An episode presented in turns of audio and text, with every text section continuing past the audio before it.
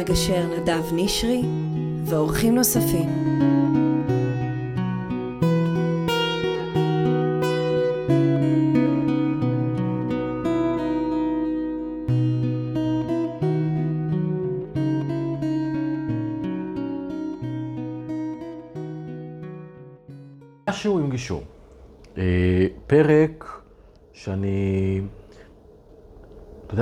לכל פרק שיש לו איזה משהו חשוב, כי אני באמת, אני באמת מנסה להביא לפה כל מיני נושאים שאני באמת חושב ש, שהם יכולים וצריכים mm-hmm. לעשות אה, שינוי משמעותי בחיים של האנשים. אבל יש פרקים שבהם אנחנו נוגעים בליבה של הליבה של הליבה, וזה הולך להיות פרק שכזה. Mm-hmm. אנחנו היום הולכים לדבר על הילדים. אז קחו רגע אוויר, כי אנחנו הולכים לדבר על איך בעצם פועלים נכון עם הילדים בהליכי הגירושין. איך אנחנו שומרים עליהם. איך אנחנו דואגים שלא רק שלא ייפגעו, אלא אפילו יצמחו. איך אנחנו נותנים, שומרים על, עליהם ושומרים עלינו. והנושא הכל כך חשוב הזה, אה, נמצא פה אדם שאני כבר הרבה זמן עוקב אחריו. הוא לא יודע, אבל אני עוקב. אני, כל מי שבעצם פעיל בתחום, והמסר שלו מצליח לבטא, אני, אני מסתכל. אה, ואני מאוד שמח שבאת לפה. נמצא איתי אהרון סיסו, שהוא מלווה משפחות בהליכי גירושין בפרק ב', מול הילדים, לא המשפחה, גם מול הילדים, הוא שם דגש על הילדים. אה, אהרון הוא פסיכותרפיסט קוגניטיבי התנהגותי, הוא מנחה קבוצות הורים, ויש לו תואר MA בייעוץ חינוכי. שלום, אהרון. שלום, נעים מאוד. תודה, נדב, שהזמנת אותי לפה. אני נורא שמח להיות פה. אה, אני חושב שיש לנו מסר אה, נורא חשוב ונורא משמעותי. אז uh, אני אתחיל קצת ככה מהמקום שלי. אני יכול להגיד שאני uh, גרוש גם. Uh, יש לי שישה ילדים, ברוך השם, כן. Uh, אני גם חוויתי בעצם בעצמי מה זה בעצם תהליך גירושים. אה, ובעצם הכל ככה התחיל, אה, בעצם אני התחלתי את כל המקום הזה של תהליך גירושים, גם מהמקום הפרטי שלי, אבל במשך שנים עסקתי עם נוער בסיכון. וכחלק שעסקתי כיועץ חינוכי בנוער, עם נוער בסיכון, ראיתי שאחד המגמות שיש לנוער בסיכון זה כל המקום של הגירושים. המון משפחות גרושי, גרושים וגרושות שיש להם ילדים ונוער בסיכון, ואני כאילו התחלתי להבחין, רגע, לאט לאט, מה, מה, מה זה התופעה הזאתי?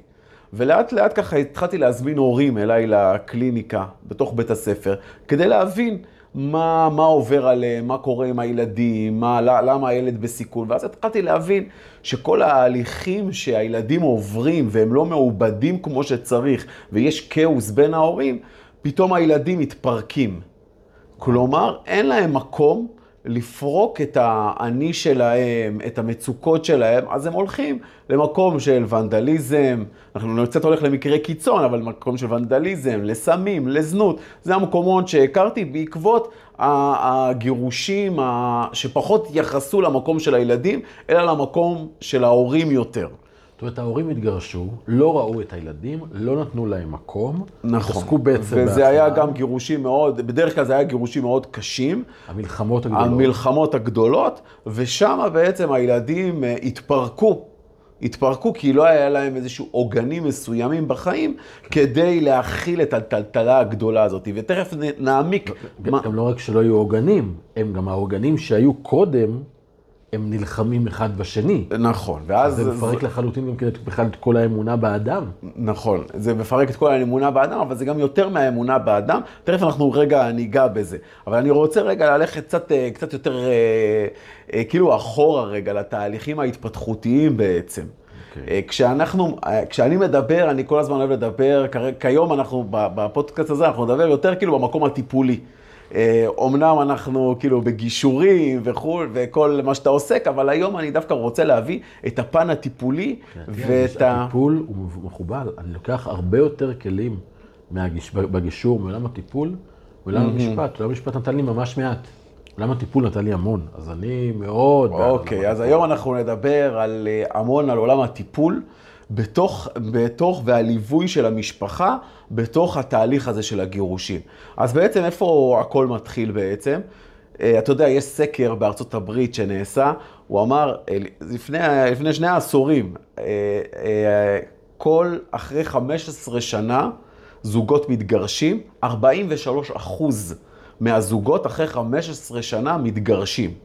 אוקיי? זה נתון שהוא קצת אה, ככה מפתיע, אבל אנחנו יודעים שהמגמה היא רק עלייה של הגירושים. ב-OECD אנחנו כבר 50 אחוז. יש נתון שאומר שבארצות הברית, אתה יודע, קראתי אותו כמה פעמים, אבל הוא עדיין קשה לי. כן. שכבר היום 50 אחוז מהילדים גדלים במשפחות משולבות. משולבות, נכון. אבל אנחנו, המגמה הזאת היא גם בישראל, המגמה הזאת היא כל הזמן, כל הזמן עולה. כלומר, יש תמורה ויש שינויים מהדור הישן שלא ראה את עצמו מתגרש, והיום אנחנו חיים בדור שאומר, רגע, אני שם את עצמי רגע יותר במרכז, את הרצונות שלי יותר במרכז, את האינדיבידואלי בתוך המרכז. ובעצם אני מפרק את החבילה לטובת כביכול עצמי, לטובת האני שלי. וזה כאילו שהוא מקום מאוד מורכב. זאת אומרת, ברגע שאני עכשיו, אני בזוגיות, יש לי יחסים, יש לי קשרים בזוגיות, הזוגיות הולכת ודועכת בכל מיני סיבות. הבן אדם אומר, אני כרגע רוצה אה, לשחרר את זה, את המערכת יחסים הזאת, את המערכת יחסים של הבחירה. עכשיו, כשאנחנו התחתנו, אנחנו לא עמדנו בחופה ואמרנו, אנחנו עוד ככה וככה שנים, אנחנו נתגרש או זה, אנחנו רצינו לחיות לנצח. זאת אומרת, יש פה מצב ש... שקורה, שבעצם הזוג בסופו של דבר מתגרש, כי יש איזשהו משהו לא נכון במערכת הזוגית שלהם. וזה הבחירה שלהם, יש כל מיני סיבות, אני לא אכנס לסיבות של הגירושים, אבל יש כל מיני סיבות, אבל בעצם המקום עולה בין הערך המשפחתי לבין האינדיבידואל שלי עצמי. ובעצם בהתחלה הערך המשפחתי מאוד גבוה, ומתחילים להיות קשיים וכל מיני מורכבויות בחיי המשפחה, האינדיבידואל עולה עולה עד שהוא מגיע לשוויון, ואז הוא עוקף את הערך המשפחתי, בעצם, ואז... מה שקורה, הוא אומר, טוב, אני כבר לא מסוגל להיות פה יותר. אני צריך לקום, אחד, אה, לקום ולעזוב את המקום הזה. כן. בשביל האני העצמי שלי. אממה, כשיש ילדים, אז כבר עכשיו פה מתחיל המקום המאוד מורכב. ולמה מתחיל פה המקום המורכב? כי פה זה לא בחירה. אוקיי? זה לא בחירה... הילדים לא בחרו להיוולד, הם לא בחרו לשנות, לא שואלים אותם, פשוט מודיעים להם, אתם צריכים להתחיל לעבור בין בתים. רגע, לפני זה, לפני זה. עוד לפני זה, זאת אומרת, ברגע שיש הבדל בין שני מערכות יחס, בין שתי מערכות יחסים, בין מערכת יחסים של קשר זוגי לבין הורה ילד. אה, בין, בין ההורה ילד לבין מערכת הזוגית. זאת אומרת, הורה ילד, הורה ובן זוג, יש להם יכולת להגיד, אנחנו נפרדים. אוקיי? אנחנו נפרדים. הורה, הורה.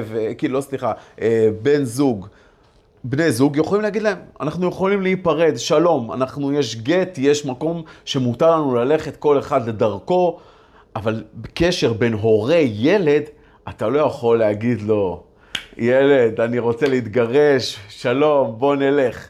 אין, אין מצב כזה, הילד נשאר איתך לנצח. לעומת זאת שה, ש, שהבן זוג, הוא, אתה יכול להיפרד ממנו. עכשיו, מאיפה עוד מתחיל התהליך הזה, שהוא תהליך נורא עמוק אצל הבן זוג שמחליט לעזוב? עכשיו, מה קורה? זה לא פתאום באמצע יום אחד בן אדם הוא קם ואומר, אני מחליט לעזוב, אוקיי? יש תהליך שקורה, יש בשלות. וזה בעצם נרקם, הבשלות הזאת נרקמת לאט, לאט, לאט, זה יכול בדרך כלל ממוצע בין שלוש לארבע שנים, עד, שזה, עד שבן אדם אומר, אני כבר לא מסוגל יותר. עד שבן אדם אומר, זהו, אני, האינדיבידואל שלי עולה על, ה, על הקשר המשפחתי והמערכת מתפרקת. אוקיי? עכשיו, מה קורה כשבן זוג אחד לא מסכים לזה? אז פה קצת מתחיל הקונפליקט. הוא עדיין נאחז באהבה, הוא עדיין, אה, הוא כועס, הוא מתוסכל, הוא כל המערכת יחסים שלו פתאום התפרקה לו והוא לא מאמין לזה. לעומת הבן זוג השני שהוא כבר אה, בשל לדבר הזה. עכשיו, את כל הקונפליקט הזה, פתאום ובאים ומספרים לילדים. עכשיו, הילדים, יכול להיות שהם חוו איזשהו קושי בבית. יש, אתה יודע, צעקות לפעמים, אולי יש אה, ויכוחים, אולי יש מקומות כאלה, אבל הילדים, לפעמים הם חושבים, יש להם איזשהו מקום אולי שההורים יתגרשו, אולי לא, אולי זה יקל עלינו אם ההורים יתגרשו. יש מצב לפעמים גם שכשהילדים מרגישים הקלה, כש, כשיש גירושים, כי כבר אין כאוס בתוך הבית, אז הם אומרים, וואלה, זהו, אני עכשיו בשקט. נכון. והמקום, סליחה, והמקום, והמקום כאן הוא להתחיל רגע להבין מה עובר על הילד כשהוא שומע בפעם הראשונה, ההורים, ההורים, כאילו ההורים שלי הולכים להתגרש. מה קורה לילד באותו רגע, ברגעים האלה, ברגעים הראשונים, הוא חר ח- אה, אה, טלטלה מאוד מאוד מאוד מאוד גדולה במרקם הנפשי שלו. כלומר, המרקם הנפשי שלו מתחיל להתערער, הוא חווה טלטלה. עכשיו, למה? למה הוא חווה טלטלה? בגלל שאנחנו, כל אחד בנוי מאבא ואימא. האבא ואימא זה היסודות הנפשיים שנמצאים בנו. דרכנו, דרך ההורים, הילד רואה את העולם. וברגע כשההורים נפרדים, יש פה את ה... זה בשפה המקצועית זה נקרא הפיצול. פתאום הילד מפוצל בין ההורה הזה לבין ההורה הזה. אני חייב להגיד, אבל זה, אתה אומר את זה משהו מאוד דיכוטומי, אבל זה לא מאה אחוז, כי זה מאוד תלוי באיך עושים את זה. רגע, שנייה, תכף. גם נגיד, לא, לא, רגע, זה דיכוטומי נורא, כי הילד, לא משנה איך עושים את זה, שנייה רגע, עצם זה שהוא חווה את הטלטלה הזאתי, הרבה מחקרים אומרים, לפעמים הילד, אה, אה, מה שקורה להם לטווח ארוך ולטווח קצר, וכביכול שיש להם יותר, כאילו יוצא להם יותר, אה, איך נגיד את זה, כאילו יותר נוח להם עם הגירושים, אבל בסופו של דבר הטלטלה הזאת היא נורא נורא נורא חזקה. גם אם בעצם הגירושים כביכול מנעו את הצעקות בבית. אין ספק שאירוע גירושין, אני רוצה להגיד את זה כי, אתה אומר את זה ככה, אני חושב על מי ששומע אותנו, ואני לא, נמצאים בתוך התהליך הזה, אתה אומר, שלוש וארבע שנים, שלא, זה לא סיבה, הפיצול, הקושי שיש קושי, הרי גירושין זה אירוע מכונן בחייו של כל אדם. נכון. יש לפני ויש אחרי. נכון. אבל זה לחלוטין, היו פה הרבה פרקים, שגם דיברנו על זה, באמת פה, אנשים שמ- שמתעסקים גם בתוך המקום הזה, שהאיך עושים את זה הוא אקוטי. זה רק אני שם את זה. אה, כן, את אבל המקום לא, הזה. אתה, אתה צודק במאה אחוז. איך עושים את זה?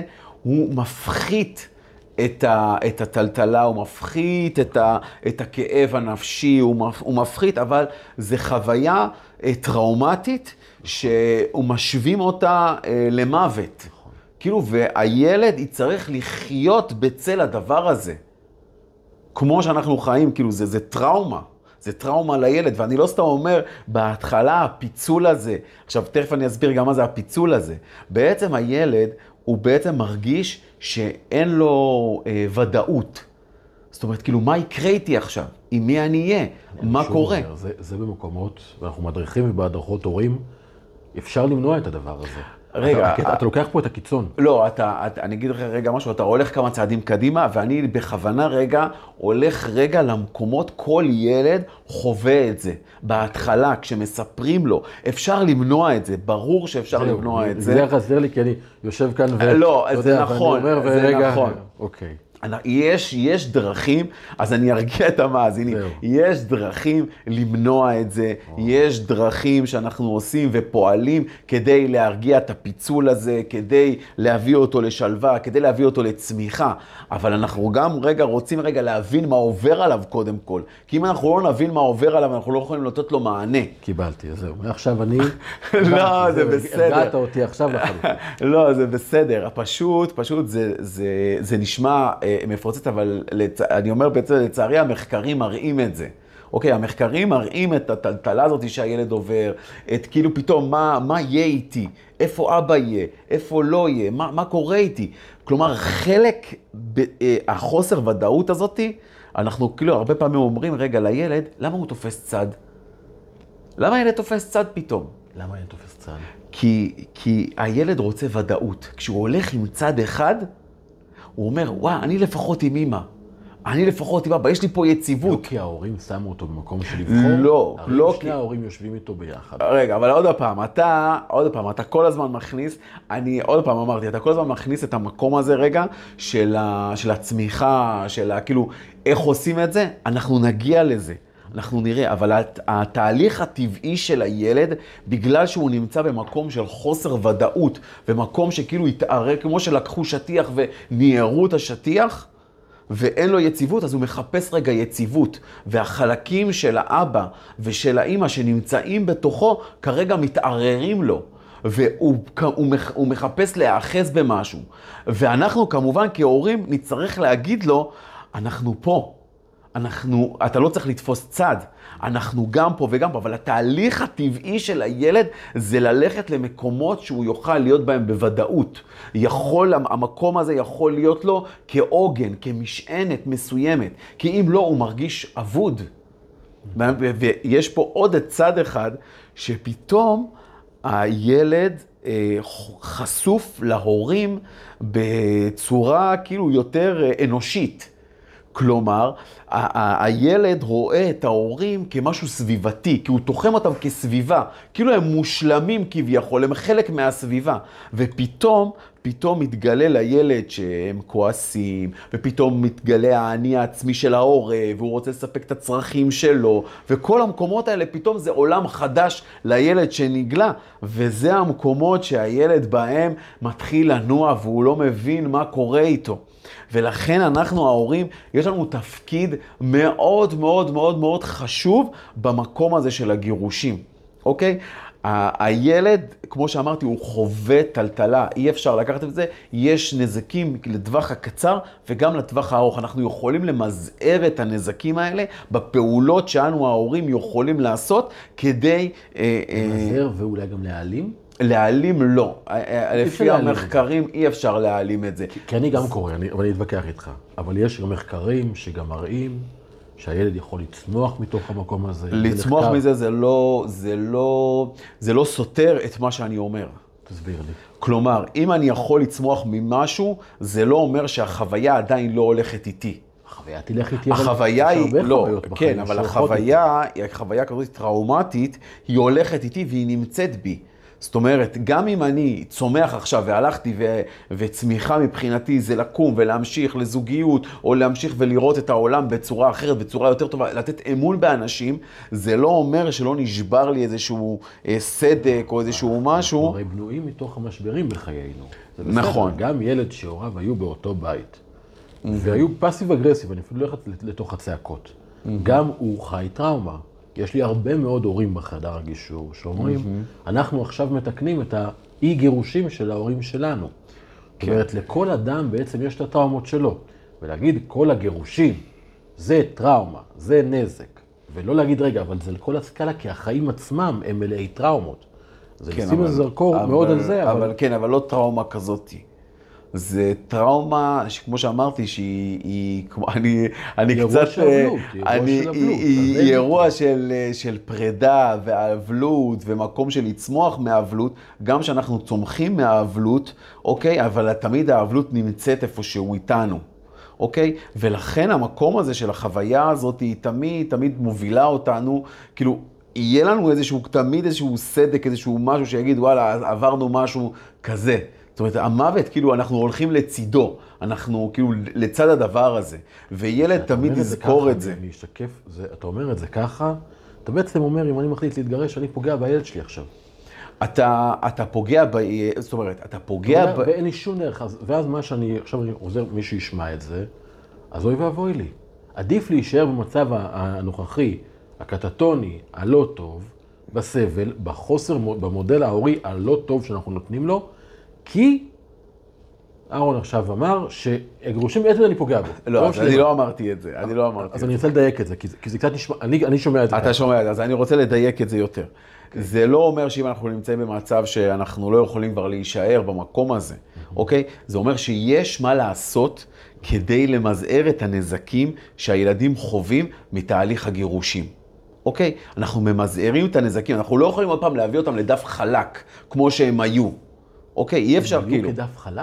יכול להיות שיש ילד ואני מניח שגם יש הבדל בין הגילאים, 16, 3 ו-4. יש הרי הבדל כן, בתוך בגילאי. ההתבגרות או בגילאי הילדים, נכון. ש- שיש שם הבדלים לחלוטין בין מה ילד רגיל למה ילד שמעולם לא ראה, ילד מתחת לגיל 6, או ילד מתחת לגיל 3, הוא לא יזכור בכלל הרי את, ה, את ההורים באותו בית, הוא יזכור איזו תחושה. אומרת, כן, אבל לא, אבל ילדים, לא? ילדים, יש, יש את המקום של ההתקשרות עם ההורים. זה לא משנה איזה גיל זה. נכון. יש פה, הוא, הוא חווה את הפיצול הזה, אבל כל אחד בממדים שלו ובמקום שלו, ב, ב, ב, ב, בחיים שלו, באותה נקודת זמן שהוא חווה. אוקיי, אני יכול להגיד על עצמי שאני כאילו מלווה משפחות שיש להם גם ילדים קטנים. או זה, זה המעגל המשפחתי. כל אחד, יש, יש שלבים במעגל המשפחתי בעצם.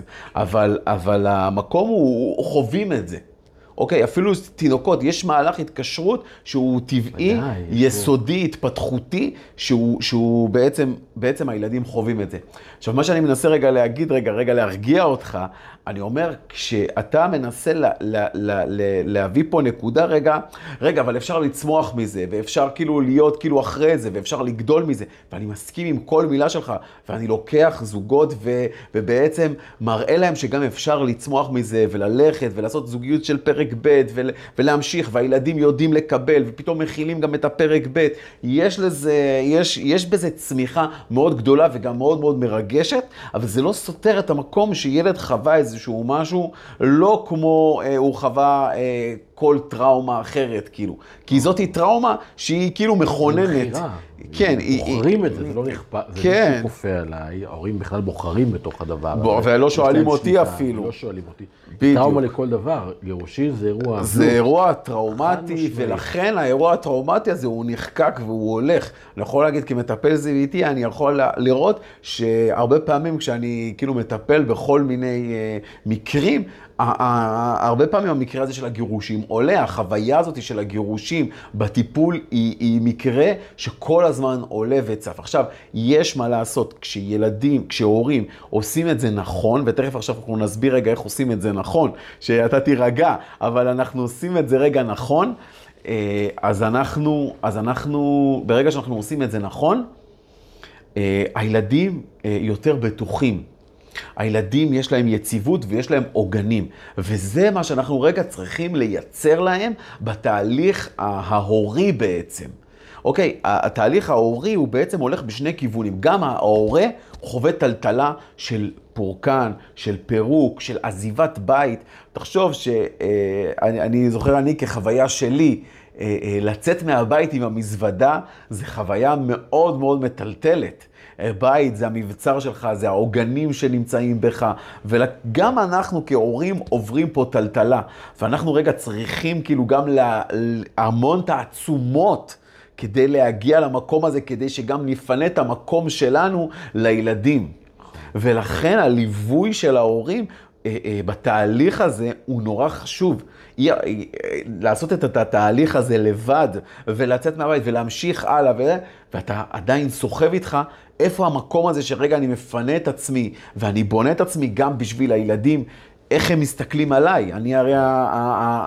השיקוף, עכשיו אנחנו המודל. עכשיו זה לא אומר שלאבא לא קשה, זה לא אומר שלאימא לא קשה. אנחנו יכולים להביא גם את הקושי גם מול הילד. השאלה איך מביאים אותו, אם אנחנו מתפרקים, לא מתפרקים, איך, איך אנחנו עושים את הדבר הזה.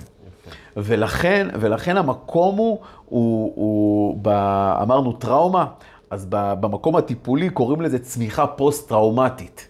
אוקיי? מה, מה, מהטראומה אנחנו, אנחנו לוקחים את עצמנו לצמיחה.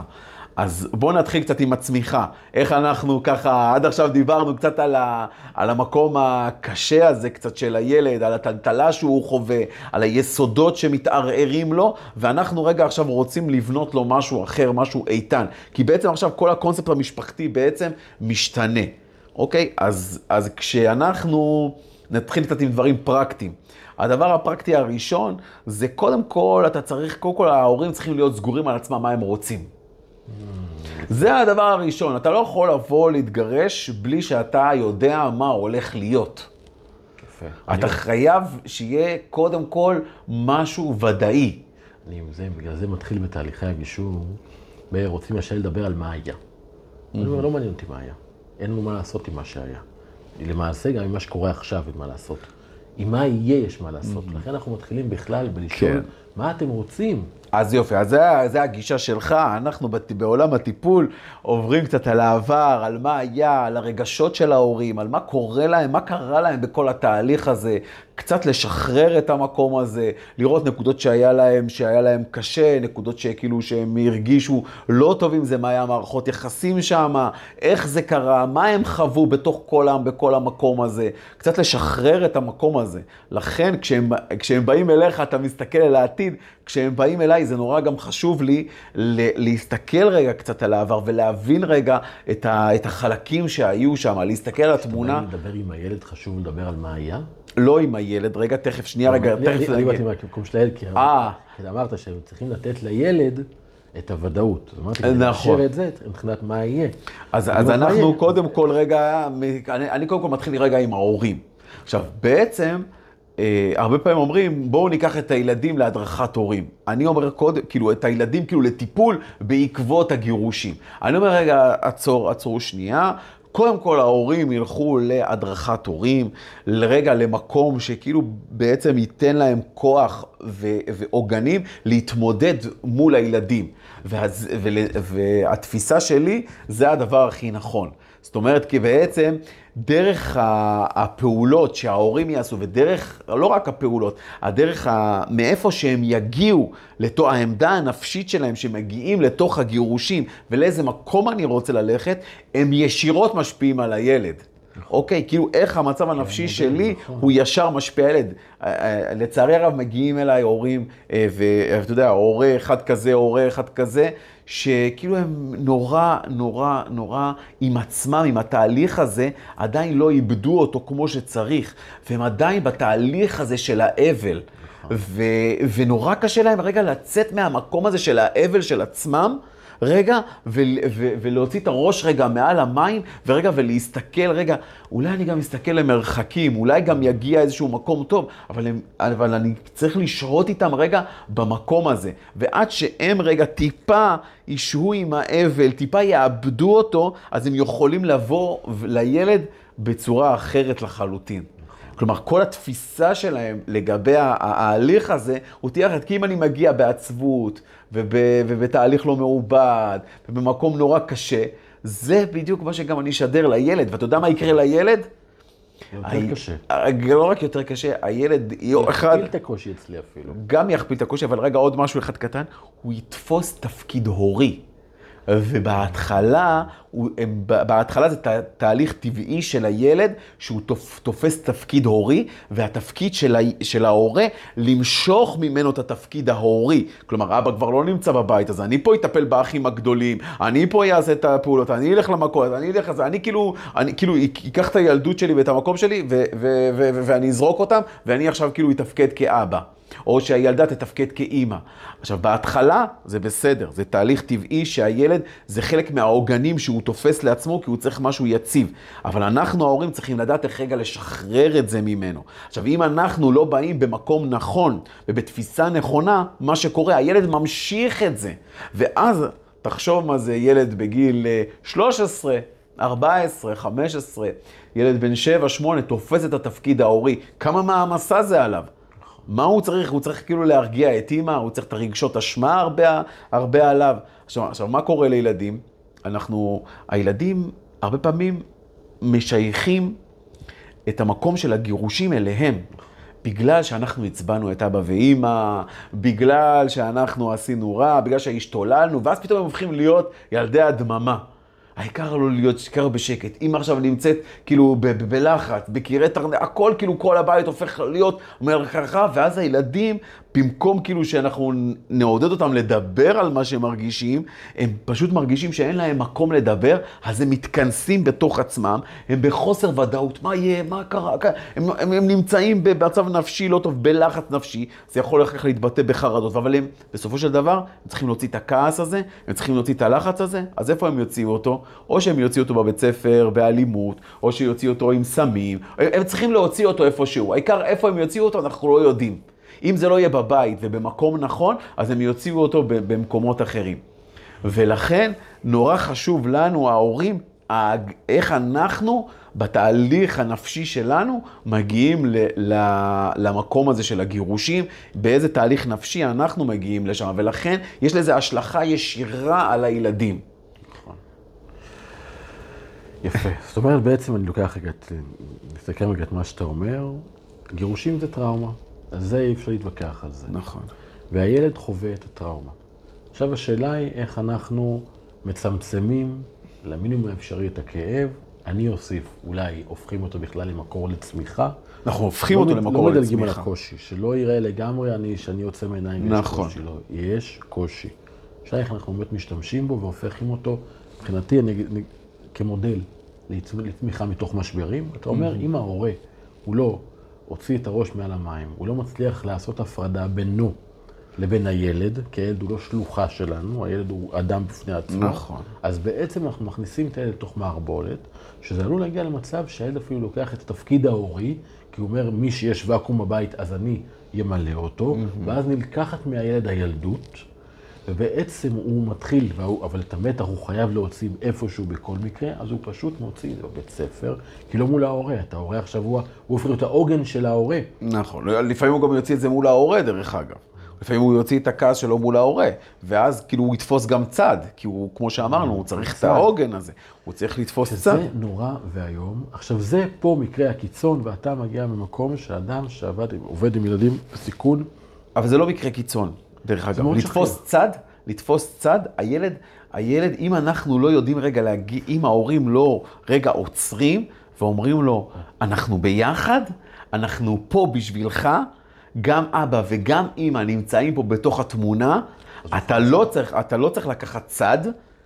כי הם אומרים את זה, אז הילד יורד ממנו המקום הזה של לקיחת צד. אם אנחנו לא מגיעים מהמקום הזה, הילד אינטואיטיבית לוקח צד. ישבה פה לפני שנה, אני חושב, עדי אלטשולר, הייתה פה באחד הפרקים, של כנפיים של קרמבו. וזה היה בדיוק כשיצא הספר של סופר נני, של מיכל דליות, על ההורים שגילו את הילדים הכי מוצלחים, וההורים שלה שם. זה היה ממש באותו שבוע שפורסמה הכתבה על הספר הזה. אני זוכר את ה... ישבנו פה איתה, והיא אומרת, הרגע שהכי בנה אותי, שממנו יצא הכנפיים של קרמבו. אומרת, ההורים שלי כשהם התגרשו, זה היה שבר ענק עבורי. ובאותה תקופה, שנות ה-80, או שנות ה-90, שנות ה-80, היה נהוג ששואלים את הילד לאיפה אתה רוצה ללכת. ואומרת, אני הסתובבתי עם השמיים שחורים מעל הראש שלי, והרגשתי שהכל קורס, ואז אבא שלי בא, היא אומרת את זה ככה, בא אליי לבית ספר. הוא עושה הדבר הכי טוב שהוא עושה עבורי אי פעם. משהו כזה, וזה היה בערך הניסוח שלה. היא אומרת, הוא אמר לי ככה, תקשיבי טוב, את לא צריכה לבחור. את לא צריכה לבחור. את נשארת, את גרה פה בבית הזה שלך, שלכם ושל אימא, אני עובר לגור פה במורד הרחוב, את תראי אותי כל הזמן, אנחנו נדבר כל הזמן, אני לא נעלם, יש לך שני הורים, אנחנו אוהבים אותך, אהבה ללא תנאי. היא אומרת, אז ראיתי את השמש יוצאת מבעד לעננים. ממש מדהים. מרגש. כמה להגיד את הדבר הזה חשוב. לא לקחת כמובן מאליו שהילד, יהיה בסדר, כולם מתגרשים, קצת קשה, נעבור את זה, הרבה פעמים נכון, נכון. נכון. קשה, קשה, הם יעברו את זה. לא, לא, תגידו לילד שהוא לא צריך לבחור, שאתם בדיוק. ההורים. נכון. עכשיו, הילד לא צריך לבחור, ו... וזה בדיוק, אתה מכניס אותי כאילו ל... יש עוד, עוד משהו מאוד מאוד חזק בעולם הטיפול, שזה נקרא קונפליקט הנאמנות. כלומר, זה עוד מושג ב- בת- ב- ב- ב- בתהליך הטיפולי, למי אני נאמן בעצם. יש פה קונפליקט של, כמו הפיצול, אז זה כאילו יש פה קונפליקט הנאמנות של הילד. למי אני יותר נאמן, לאבא או לאימא, את מי אני רוצה לרצות, את מי אני... הוא נמצא בין שתי כתבות כל הזמן, ולכן מה שאתה אומר עכשיו, זה כאילו מאוד רגע להרגיע גם וגם אימא פה. אוקיי? וזה המקום, אז זה, המקום הראשון קודם כל. המקום הראשון קודם כל, אנחנו כהורים, איזה עמדה אנחנו באים לתוך, לתוך המקום של הגירושים. זאת אומרת, אם אנחנו עדיין, גם אם אנחנו לא שלמים עם עצמנו, אוקיי? גם אם אנחנו עדיין קשה לנו, אבל אם אנחנו במקום שכאילו שאנחנו איפשהו בקרייסס, אז אנחנו באים כאילו ל, לילד, אז זה נורא קשה. הדבר השני, ואני חושב שהוא הדבר, אחד הדברים הכי הכי חשובים גם בתוך התהליך הגירושים זה, מול הילדים, בעצם לא לדחות את הרגשות שלהם. זאת אומרת, ילד, הוא יחווה אה, טלטלה, וכשאנחנו חווים טלטלה, אנחנו יכולים לחוות מנעד של רגשות. ואנחנו, פתאום אנחנו רואים את הילד שהוא כועס, מסתגר בחדר, פתאום לא מדבר, או פתאום נהיה אלים, או פתאום כל מיני, כל מיני התנהגויות שכאילו מבטאים רגע משהו פנימי. עכשיו, אנחנו ההורים רואים את זה כבעיית משמעת.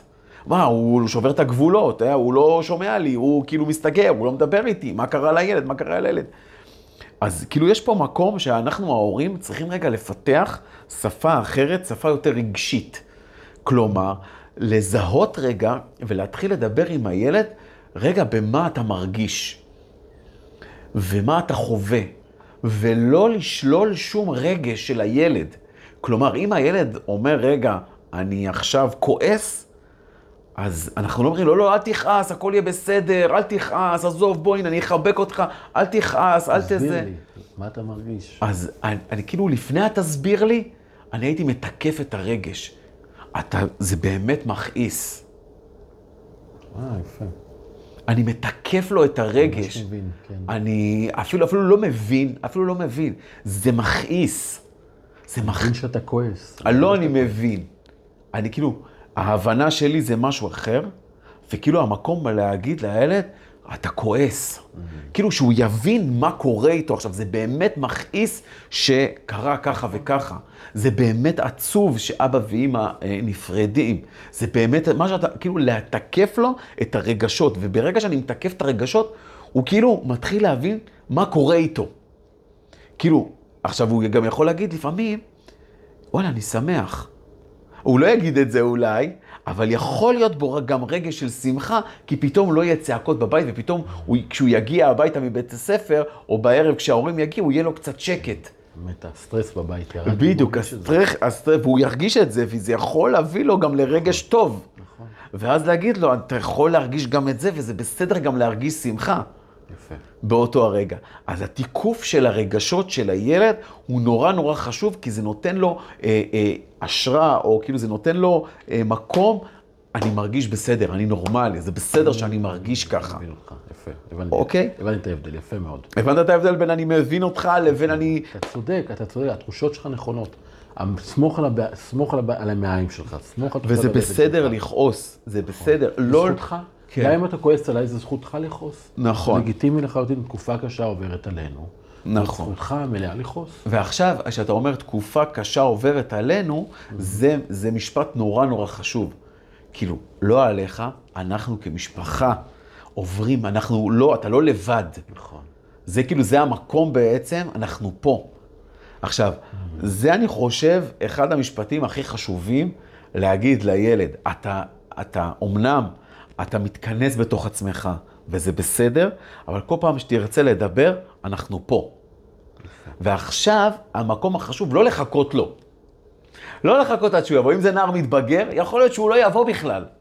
יכול להיות שהוא בכלל לא, לא, לא, לא יגיע אליך לדבר איתך בכלל.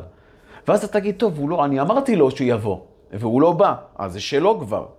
לא, זה אחריות של ההורה. עכשיו, אנחנו ההורים, בגלל ש... אז אני אומר עוד פעם, כמו אם אני מגיע במקום, בעמדה נפשית יותר טובה, אני גם יכול להתחיל לחזר אחריו.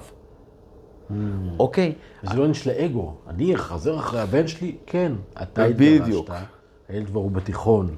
הוא כבר לא יבוא, הוא כבר גבר כזה, אבל כן, אתה צריך נכון. להיות מספיק חזק כדי לבוא. לטפל בו, כי הוא עובר עכשיו משבר גדול, ואם אתה לא, לא תגרום לו להבין שאתם עוברים במשבר נכון. גדול, הוא ייקח את זה לכל החיים. נכון, ובעצם נכון. המקום הזה של החיזור אחרי הילד הוא נורא קריטי. למה? כשאני מחזר אחרי הילד, הילד מבין שאני נמצא פה. ועכשיו, אפשר לבוא לילד לחדר, להיכנס לו עם כוס שוקו, גם אם הוא יזעף פנים ויכעס, תצא מהחדר, תסגור את החדר. אני רק שם לך פה אה, כוס שוקו ואני יוצא. אני שולח לו הודעות, אס.אם.אס באמצע היום, מה שלומך, אני חושב עליך. אה, אתה, אתה, אתה פשוט כאילו, תוך כדי גם דברים, בוא נצא, אם יש לו תחביב לשחק כדורסל, בוא נלך ביחד לשחק כדורסל. ותוך כדי... כן, תוך כדי גם לדבר על הדבר הזה, אבל לשים לב איפה אנחנו נכנסים רגע, ואיפה הוא אומר לנו, רגע, תעזבו אותי. אוקיי? ואז אנחנו, ההורים, האינטואיציה ההורית שלנו תצטרך לדעת מתי אנחנו משחררים, מתי אנחנו באים, מתי אנחנו לא באים, אוקיי? וזה הדבר הנורא חשוב שהילדים בכל התהליך הזה ירגישו שהם לא לבד, שיש להם איזושהי אוזן קשבת. עכשיו, עכשיו, מתי זה יהיה אוזן קשבת?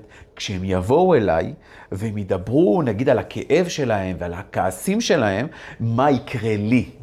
אתה מבין? זאת אומרת, ואז ישר הרבה פעמים הורים, וואי, הרגשות אשמה שלהם אוכלות אותם על זה שהילד שלהם כואב להם כל כך, והוא מרגיש פיצול בנפש, והוא כאילו מרגיש כעס, והוא מרגיש רגשי אשמה, ואז ההורה אומר, הכל בגללי.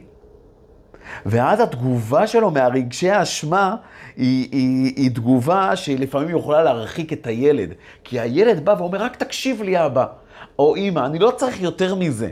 אני צריך רק שתגיד לי, אני מבין שזה קשה לך, אני שם, אני פה בשבילך, לתת חיבוק, אבל אנחנו מתחילים לתת תירוצים, אולי תעשה ככה, אולי תעשה ככה, ואז אנחנו, וואי, רגשות אשמה, בוא, לא, אל תעשה ככה, בוא אני אפנק אותך, בוא, קח את זה וקח את זה וככה, ואז אנחנו, והילד, ואז הילד, ברגע שהוא חווה את זה, הוא ידחה את זה לפעם הבאה, הוא יגיד, עצור, עצור, אני לא רוצה לבוא אליו יותר.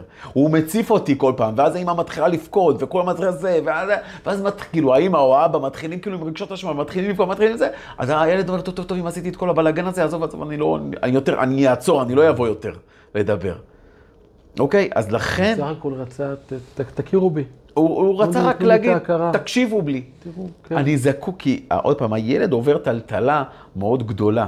וכשאנחנו עוברים טלטלה, אם אנחנו לא מוציאים ולא מאבדים את זה כמו שצריך, אז זה נשמר לנו או נאגר לנו באיזשהו מקום וזה יצא.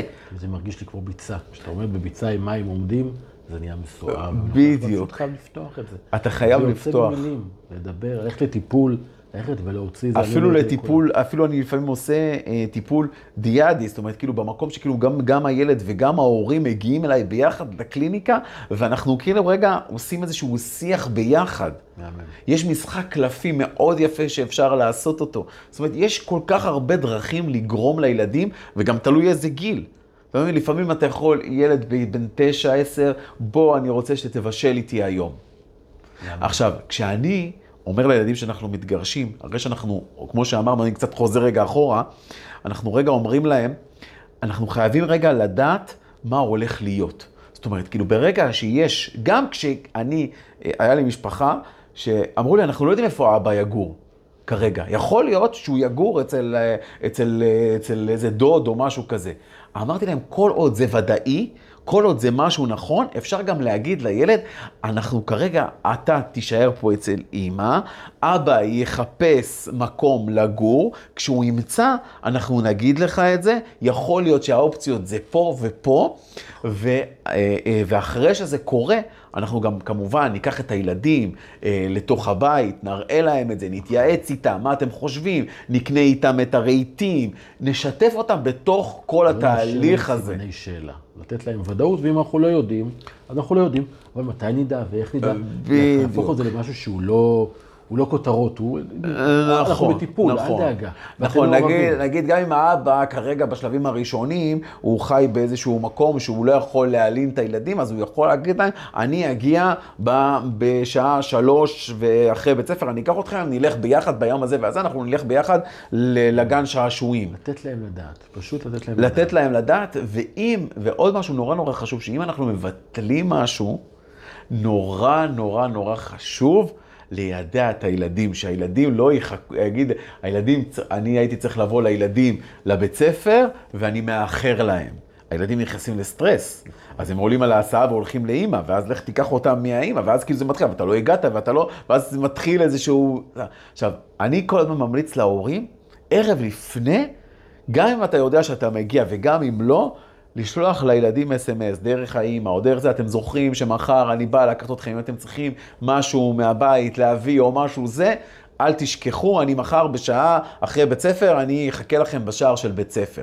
לפני, אוקיי, וכבר הילדים מכינים את עצמם. עכשיו, למה אני אומר את זה? אוי, יש פה כל כך הרבה נושאים לדבר עליהם ואני מרגיש שאני מתפזר. כי בעצם, כי מה שקורה לילד, יש לו כל הזמן מעברים. מעברים נורא חדים. כאילו, מבית של אבא לבית של אימא. אני תמיד אומר, זה לא הבית של אבא ולא הבית של אימא, זה הבית של אבא והילדים, לבית של אמא והילדים. נכון. לאלה שני בתים. נכון, לא אבל בכל את זאת זה מעבר. זה מעבר, כי בעצם הרבה פעמים יש לבתים אה, מין אה, קונפליקט כזה אצל, אצל בית אחד, כביכול יש יותר אה, גבולות, יותר ברורים, אה, אה, ואצל בית אחר יש פחות משמעת, פחות, כאילו, פחות גבולות, או, או גבולות בצורה אחרת, ואז פתאום הילד צריך כאילו לעבור מ... אה, דברים שהם מותרים ו- ו- ולא לא נלחמים עליהם, סתם נגיד אה, אה, מותר לאכול בסלון אצל בית אחד, ובית אחר אסור לאכול בסלון. אוקיי, אז מה קורה?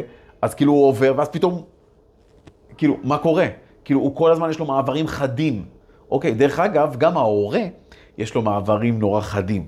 כי תחשוב, עם ילדים בלי ילדים. עם ילדים ובלי ילדים, זה מ-0 ל-100 כל הזמן. השאלה אבל אם לאיזה מטרה כן לייצר, אני לא יודע אם אחידות, כי ברור שלכל אחד יש, יש שוני, אבל אני יכול להגיד לך, אני יכול להגיד מהצד, אה, מהניסיון שלי, אה, אנחנו, אתמול הייתה פה, עשינו ארוחת ערב כולנו ביחד, אחרי שהיה הצגה של אה, דפנה, הופעת סיום, הלכנו ביחד, ישבנו פה, אני ואשתי ואיה, אני ונוגה ואיה, והילדים של כולנו, ואוכלים. וזה ברור שאצל איה יש שוני, כמו שאצלי יש, אבל הבנות לא באמת, אתה יודע, אני, אני שואל, אני מאוד, איך זה מרגיש, ואנחנו מאוד דומים במקום הזה, אנחנו שנינו שותפים מאוד טובים לגדל ילדים.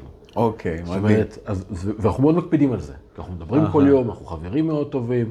זאת אומרת, לנו, אני פחות רואה את ההבדל הזה. אני יכול כן. להבין, מבחינתי זה אידיאל. אני מנסה להגיע, אני מציע, כששואלים אותי, לייצר כן איזושהי אחידות, כי בכל זאת, כשהבאתם ילדים לעולם, כן היה איזשהו סל ערכים דומה. חשבתם על משהו דומה, וזה שהעולם עכשיו, הוא מתפצל, והוא מתפצל, הוא לא חייב להיות שחור ולבן. הוא עדיין יכול להכיל, להכיל אלמנטים. נכון. אם, אם ההורים, הם, אה, תראה, תראה, בדרך כלל, כשאנחנו כאילו מגיעים לבית מסוים, כאילו אתה כאבא מביא את, ה, את, האידיאל, את האידיאל שלך, את, ה, את הערכים שלך, את ה vibe שלך לתוך הבית שלך. וההורה השני מביא את ה vibe שלו ואת הערכים שלו ואת הזה למקום, לבית השני. וכל אחד יכול להיות, יוצר הרבה הרבה פעמים קונפליקטים בין הבתים. עכשיו, זה נכון, אתה צודק, הלוואי שההורים היו יכולים ביחד להדרכת הורים. אני יכול להגיד את זה כבן של הורים גרושים, כדור רביעי. הערכים שלי זה שלא תהיה תחושה לבנות שלי שהן זרות באחד הבתים. אצלי זה אהה, ב top של ה top של ה top. אהה. ולכן אצלי אין דבר כזה. כי אני הולך לבית של איה, ואיה באה לבית שלי, כי, ו- וזה סל הערכים. הערכים אצלי, אני רוצה להראות לבנות שלי שאפשר לעבוד ביחד, שיש להם אימא מהממת. יש להם אימא באמת, היא, היא, היא מעולה. ואני, ו- והיא אומרת את זה גם עליי. אז, וכשזה הערך, אז אני לא... מותר לאכול בסלון או לא, זה בכלל כן, אבל זה אני, לא אני אגיד הסיפור. משהו, אתה, אתה, אני מסכים איתך, זה ליצור משהו מאוד מאוד מאוד לא פשוט, וזה עבודה של זה עבודה, ההורים. זה עבודה זה קשה. עבודה קשה של ההורים, אבל אני יכול להגיד לך שזה כאילו... בדיעבד, אתה יודע מה? זה היה נראה לי יותר קל, כי אני רואה כאלה שנלחמים שנ- שנים, ש- לנו מאוד קל נכון. נכון, ולמרות- ו- ולעבוד על זה, נכון, והורים, ו- ו- ואם הורים יכולים להגיע ביחד, ויש לי הורים כאלה שמגיעים ביחד להדרכת הורים. אז זה הדבר הנכון, אבל הרבה פעמים הורים מגיעים לחוד, והרבה פעמים כל אחד רגע מנסה להתמודד עם המצב שלו, ועם המעברים האלה, וזה נורא קשה. אוקיי, וזה כאילו, זה... אתה זה... לא רואה מה קורה 100% מהזמן, אתה רואה רק מה כשהילדים איתך. נכון. הכל. בגלל זה צריך לשבת ולדבר. צריך לשבת ולדבר, וזה נורא נורא נורא חשוב. ומצד שני, אני רק רוצה רגע להגיד עוד משהו נורא חשוב. גם מאוד חשוב בתהליך גירושים, גם תהליך הנפרדות. כלומר, צריך לדעת שכאילו שהילדים הם כל הזמן בפנטזיה, שאחד הפנטזיה שלהם שההורים יחזרו. אוקיי, זו פנטזיה מאוד ידועה של ילדים, שהם כל הזמן רוצים להחזיר את ההורים. אה, עכשיו, מאוד נורא חשוב להקפיד גם על התהליך, נפר... על הנפרדות, שה... שהילדים לא כל הזמן יחיו בפנטזיה, שבעצם אה, מה שקורה, ההורים יכולים לחזור, אתה מאוד קשה לי עם המשפט הזה. אוקיי? מאוד קשה למה? לי. למה קשה לך?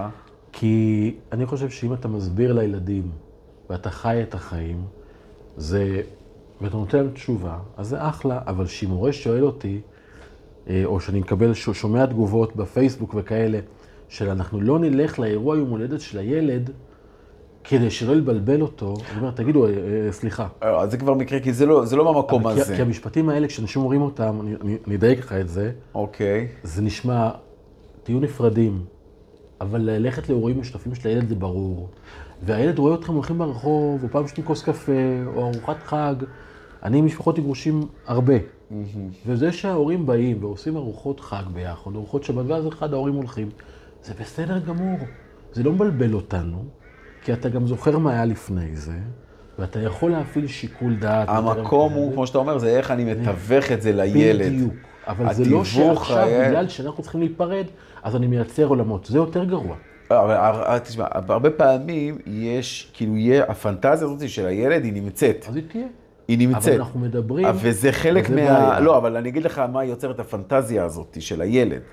בעצם הפנטזיה הזאת של הילד, היא יוצרת לו איזשהו מקום, תהליך נפשי של ריצוי של ההורים.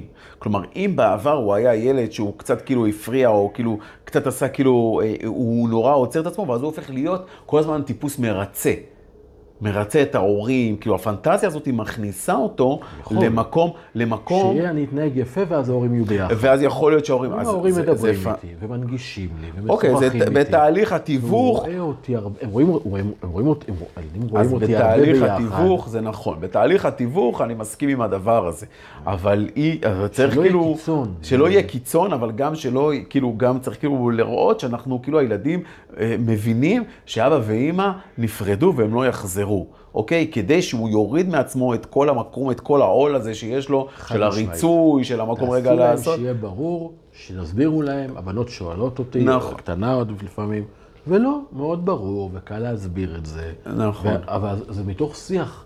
זה הדוגמה האישית, אני רוצה שבנות יראו דוגמה אישית להורות טובה, שההורים נכון. שותפים, מדברים כל הזמן, אבל יש הבדל בין ההורות והזוגיות. נכון. שני דברים שהם שונים. נכון, הורות וזוגיות זה משהו אחר, ו- ו- ובמקום של ההורות, כמו שאמרנו, אתה חייב לייצר, זה גם, כמו שאתה אומר, הנפרדות הזאת ולהבין את התיווך הזה, זה גם עוגן לילד. נכון. אוקיי, זה גם, כמו שאמרנו. עכשיו, יש עוד משהו שאני אדבר עליו גם בכנס שאני עושה טוב, בעשירי. נדבר על הכנס ואז ניכנס לשם, אנחנו באמת, ואז- אנחנו מדברים על הילדים, זה כל כך... כן, יש עוד הרבה, יש עוד החשוב. הרבה.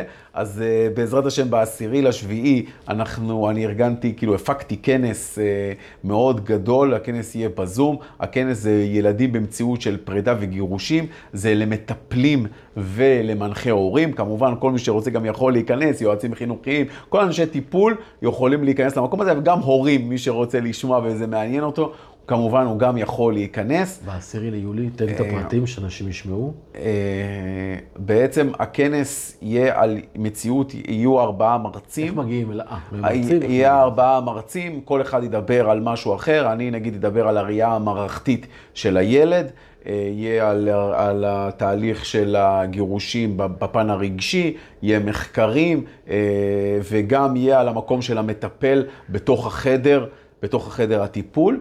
אה, בעצם איך מגיעים לזה? אפשר להיכנס לפייסבוק שלי, של אהרון סיסו, יש שם את ההרשמה, ואתם יכולים להירשם, וישלח לכם אה, לינק של, אה, של הזום. זה כנס, כנס שהולך להיות מאוד מעניין. ברוך השם, כבר יש לנו המון נרשמים לכנס, אה, ותודה רבה. מקווה שככה נתנו אני- איזושהי סקירה כללית. נתנו יש עוד. המון דברים, למרות. שהרגשתי שקצת אתה כזה... ככה- הרגשתי, כי אני...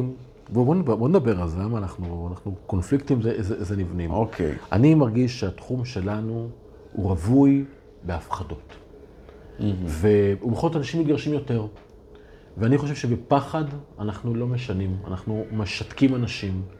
והתפקיד שלנו הוא להביא תקווה. זה התפקיד, התפקיד, התפקיד שלי, לייצר תקווה. ולכן, אני- ואני לא מוכן לקבל כל פחד כ, כטאבו. כי אני יודע על בשרי, ומתוך אלפי זוגות שעברו אצלי לאורך השנים, שאיך שאנחנו מתווכים את המידע, זה משנה את הגורל. ואנחנו יכולים, ואם אנחנו בוחרים לתווך בפחד, אז יבוא הפחד. ואם נתווך בתקווה, יבוא התקווה. ולכן אני מאוד... כן, ראיתי שאתה הם- מאוד, אה, מאוד, אה, מאוד ככה עם ה... כביכול עם ה... בהאחזות רגע לראות את הרגיש אליי הזה, את אנשים- המקום הרגיש הזה. כי נכון, כי אנשים מתקשרים אליי בשלבים הראשונים, אמרתי לך, אצלי באתר, בערך כל מי שמתגרש עובר אצלי באתר. זה בערך 3,000-4,000 איש בחודש. ואני מדבר עם אנשים ממש עוד לפני השיחה הראשונית, או רגע אחרי שקיבלו בשורה, או רגע אחרי שהחליטו בעצמם. ואנשים רוצים את התקווה. עכשיו, בחוץ יש אהרון מלא מלא פחד.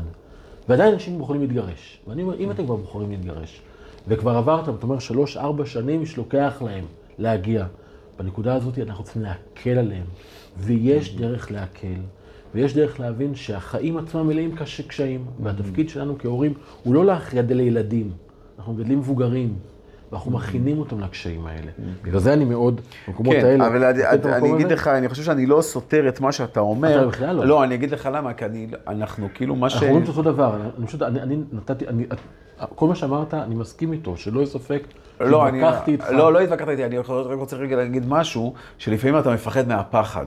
לא, להפך. כלומר, מה שאני רוצה רגע להגיד, שנייה, שנייה, אני, מה שאני רוצה רגע להגיד, זה שכאילו אנחנו, זה מה, ש, מה שעובר על הילד, עובר על הילד. גם אם אתה תפחד, גם אם אתה לא תפחד.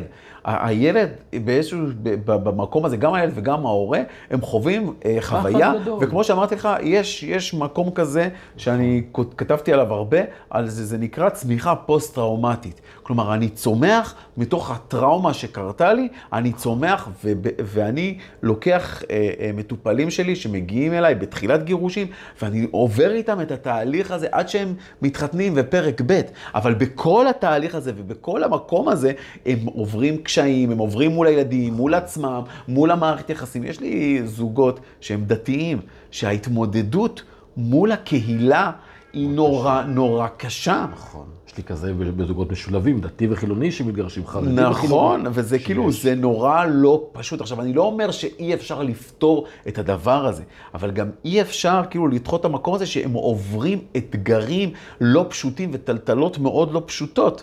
אני כאילו לא יכול רק לדבר בעצם רק על המקום של, ה... של הצמיחה. רגע, אני צריך, המקום של העיבוד, של החוויה, הוא נורא קריטי כדי לצמוח. אתה לא יכול לצמוח בלי שהחוויה של מה שקרה לך היא מעובדת. אני חושב שמה שאנחנו, אנחנו אומרים את אותו דבר. נכון, אני גם חושב שאנחנו אומרים אומרים אותו דבר. חושבים לא, לא, לא, לא סתם. אני, זה איך, איך אנחנו מציגים את הדבר. אתה, אה, זה איזשהו שיח גישורי עכשיו. אתה אמרת, אתה מתחיל בנקודת השבר, ואתה אמרת, אני אציג לכם את כל הקושי בשבר, ומשם אני אראה לכם איך אני לוקח אתכם. אני התחלתי להגיד, רגע, בואו נראה איך אנחנו רוצים להגיע למקום הזה פה שטוב לנו, אוקיי, ואז נלך מהסוף ולהתחלה. ואז נגיע למקום הזה כדי שנדע, שיש לנו אופק אופטימי, נדע להגיע גם כן למקום הזה של, ה, של, של השבר, והשבר הוא שבר, הוא גדול, אני לא, לא יוריד אותו. ההחלטה היא גדולה, זה שינוי טוטאלי, יש פה פיצול, יש פה, יש פה שינוי מהותי, יש פה שינוי המון. שהוא אד- אדיר. נכון. אבל אם אנחנו יודעים ומחזיקים את זה בראש, שאפשר להגיע למקום טוב, אפשר לצמוח מהטראומה, אני לא, לא, לא אבטל אותה, אז אפשר כל לצמוח. הפרספקטיבה שלנו מאפשרת לנו כהורים להגיד, קשה לי, אבל כדי שאני אוכל להגיע לשם ולהביא את הילד שלי לשם, אז אני יכול לפעול בכל המקומות האלה ולא להרים ידיים. כי אם אני אבל בתחושה לפעמים גם שהכל מרימים ידיים, זה גם בסדר. זה גם בסדר. מותר לנו גם אבל להרים. ידיים. הכל נכון. לגיטימי, כל מה שעובר לגיטימי, כל מה שקורה עליהם, נכון, בדיוק, זה נורא חשוב. להגיד את זה. רק תזכרו שבסוף אתם עוד תגיעו לשם, כי אז יש את הקרן האור הזאת, כדי נכון. שאפשר לצאת ככה, כמו שאמרת. זה המקום. המוטיבציוני. עכשיו יש פה. כדי לעבור שינוי, הרי יש שני דברים נורא נורא חשובים כדי לעשות שינוי. יש את המוטיבציה ויש את המקום של המסוגלות. נכון. אוקיי, אז שניהם, מוטיבציה פלוס אה, מסוגלות שווה שינוי. יפה. זה שההורים מגיעים לטיפול, או מגיעים אליך, או מגיעים למקום כזה שהם רוצים לעשות את זה בטוב, למרות כל הקושי, זה תחילת המוטיבציה. אבל התפקיד שלנו רגע, זה כאילו לראות, לתת להם את המקום של המסוגלות, להרים להם את המקום של המסוגלות, שהם משמעית. יכולים לעשות את זה, הם יכולים להגיע לקצה הזה. וזה, אני חושב, התפקיד שלנו, גם כמטפלים, גם כאנשי גישור, להר- להרים גם את המוטיבציה וגם את המסוגלות, כדי שהם יוכלו לעשות את השינוי הזה במקום טוב. חתמתי, סיכום מעולה, הנה ראית, היה לנו רגע בתוך התהליך של קושי, בסדר גמור. צמחנו ממנו מותר לנו, מדהים. מותר לנו מעולה, לצמוח. זה המקום, אנחנו צורכים מתוך קונפליקטים, שנינו אוהבים את זה. נכון, נכון, נכון. נכון. זה אנחנו לא גם לא. בורחים ממנו, לא, זה לא, הכי לא, חשוב. לא, הנה, שמים דיברנו אותו פה על. השולחן. שהיה פה עכשיו, היה הנה, לי חשוב. להגיד לך את זה, כן, למקום ש... לא, לא, מעולה, אני מאוד מעריך את זה. זה התפרץ על ידי פתוחה, כן, ואני מרגיש כן, עם זה כן, מאוד בנוח. בסדר, כי... מעולה, אהרון, תודה רבה. תודה, פרק וואי. באמת מיוחד היה לנו כאן. תודה, תודה. וחשוב, ומאוד גישורי, אז אני מאוד מאוד שמח על הדבר כן. הזה, זה היה ככה ממש איזשהו, איזושהי הדגמה בלייב, של איך, איך, איך, איך נכנסתי לקונפליקט ויוצאים ממנו, מאוד אהבתי את זה. נכון. זה, זה ערך מאוד גדול, אז תודה רבה. אה, אהרון סיסו, הכנס ב-10 ליולי, נכון. אה, ממליץ בחום לאנשי טיפול, אני אגיד את זה, כמה שיותר אנשי טיפול יבינו מה קורה למשפחות ולילדים בפרק ב' ובתהליכי הגירושין, זה ייתן המון המון נכון, ערך. חסרים, יש אנשי טיפול שלא מכירים, יש הרבה תפיסות עולם מאוד נכון. מיושנות, מאוד מאוד מרוחקות, שבמקום לעזור לזוגות, מייצרים שם קושי, ולכן חשוב שיכירו וידעו. אז אני מאחל המון בהצלחה. תודה, תודה רבה. ולכם המאזינים, תשתפו, תעבירו למי שצריך, תכתבו לנו, תגיבו, בשמחה. תדרגו, תתייגו, תעזרו לנו להפיץ את המסר. אה, זה באמת ידע וכלים שפשוט מצילים אנשים. ממש. ומצילים. ילדים בעיקר. מדהים.